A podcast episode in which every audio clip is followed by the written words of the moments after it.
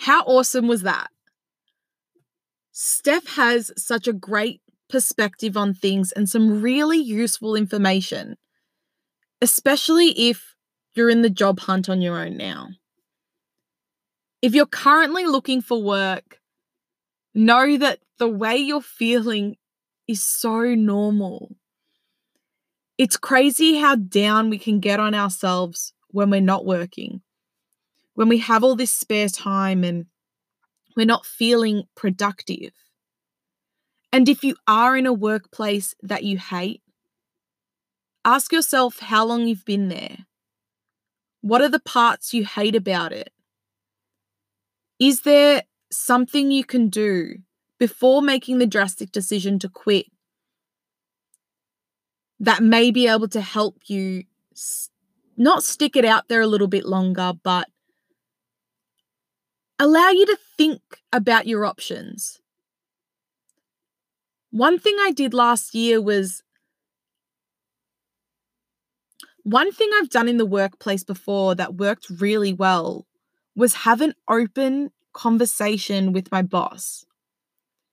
It was super hard to do, but I pretty much just said to them, I'm not happy. I hate being chained to my desk. I'm bored. These processes are taking too long for me. And if my time at work continues this way, I'm going to have no choice but to leave. I was lucky enough to have an understanding manager, one who understood where I was going and asked me to write down what I liked and what I disliked about being there so we could work together to figure out how I could make my time at work better and maybe switch up my role.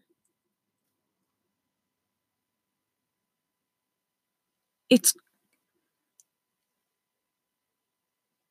the thing that I realized after that was we're all human. And I'm sure my manager has had that experience himself. And that's why he was so open to helping. And I'm sure your manager, no matter how grumpy they are, can empathize with you. And if they can't, then you know it's not the workplace for you, and it'll make your decision to quit even easier. But don't quit until you ask. I've had conversations with colleagues before that say that they're going to leave because they're not getting paid as much here as they were in their previous job and they're not finding it fulfilling. And the first thing I always ask them is Have you asked for a raise? Have you flagged your concerns?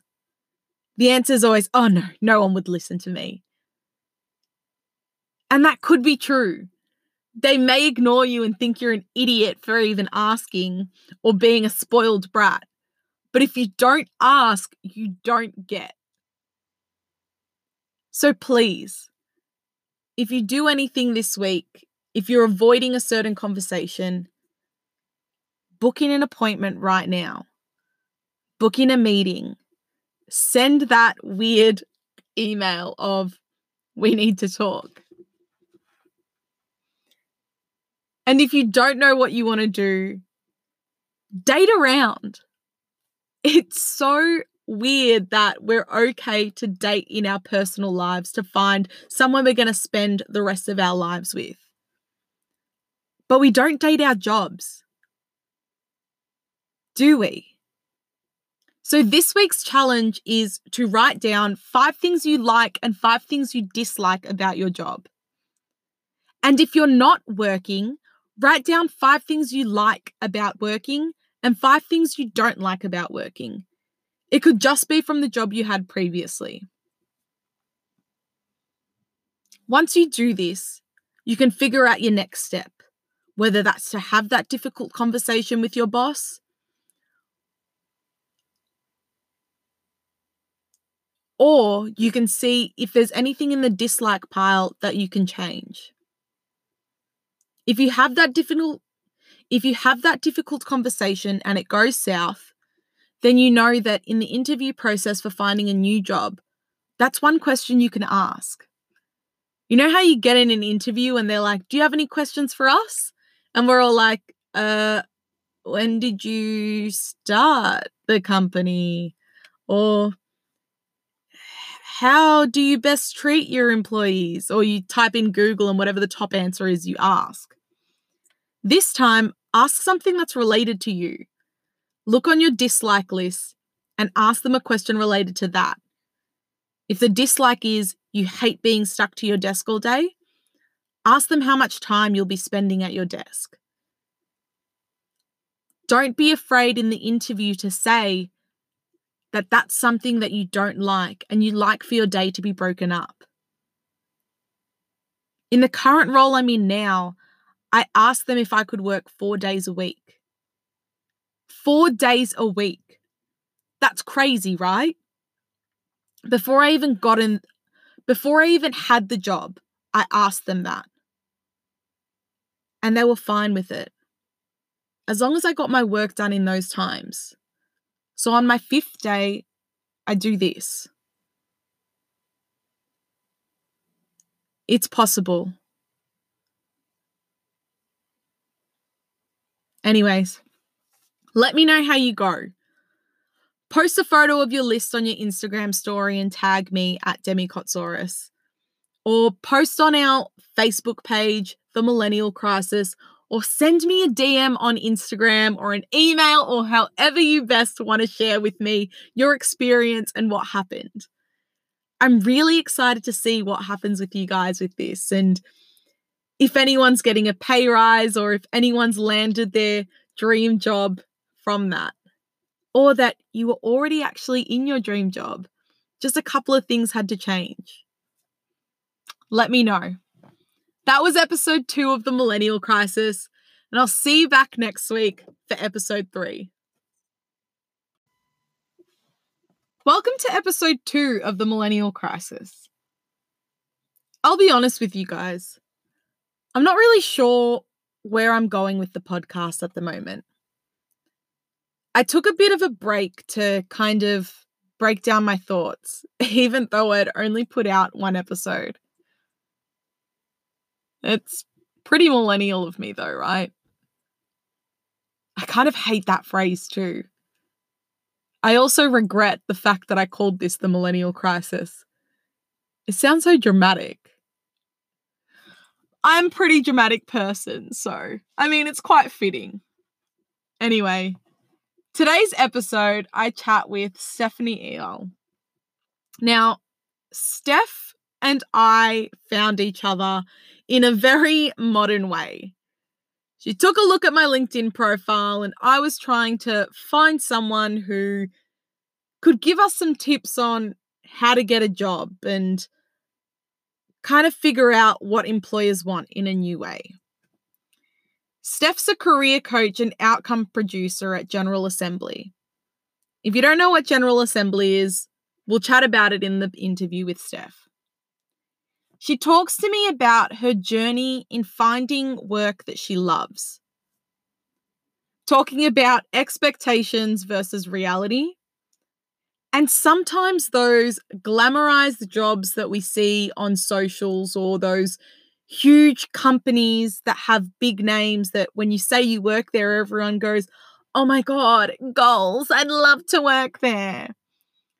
What it's actually like to work there and whether it's all cracked and whether it's all what it's cracked up to be. We talk about making deliberate choices in where you want to work.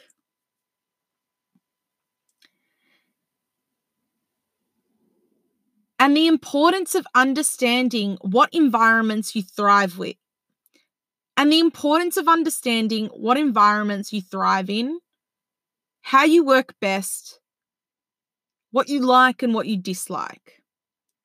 Because as Steph says, it's just as important to figure out what you don't like as much as what you like.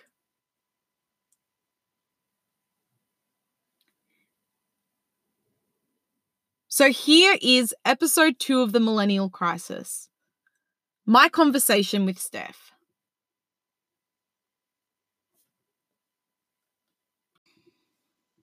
And that was it. That was episode three. my interview with Adam.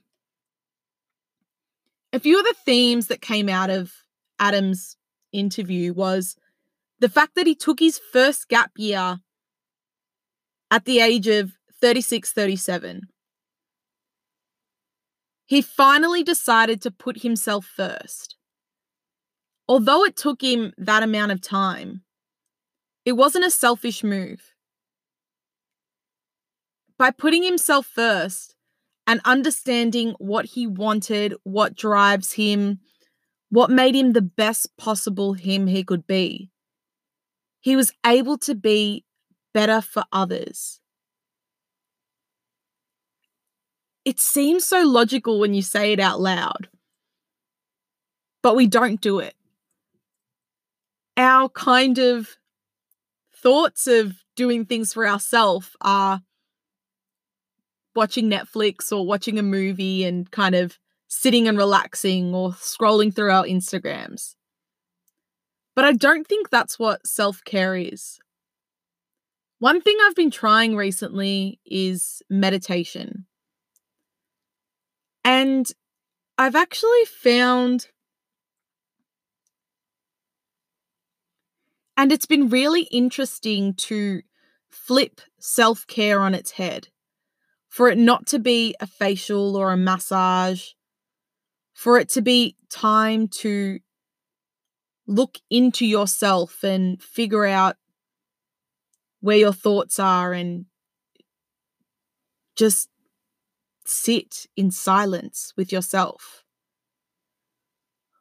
We have so much to distract us these days. And I find that I don't really think a lot. And I also think too much. It's crazy, that, isn't it? Anyways, before I babble on too much, this week's challenge, I want you guys to try meditating for five days in a row, just five minutes a day. That's 25 minutes out of your life, if my maths is correct, to take time to sit with yourself. I'm not saying sit there and ohm or, you know, lie in your backyard and do something crazy, download the Headspace app. I'm pretty sure they've got free five minute sessions for you to try out. Or go onto YouTube and type in five minute meditation. It'll be guided by someone, so you're not being thrown in the deep end. See what it does for you. Remember, it's only 25 minutes of your life. Let me know how you go. If you do try it and do complete it, post a photo on your Instagram story and tag me at Demicotsaurus. Or send me a DM about your experience. I'm going to be documenting my experience. I'm going to put a blog up on the website.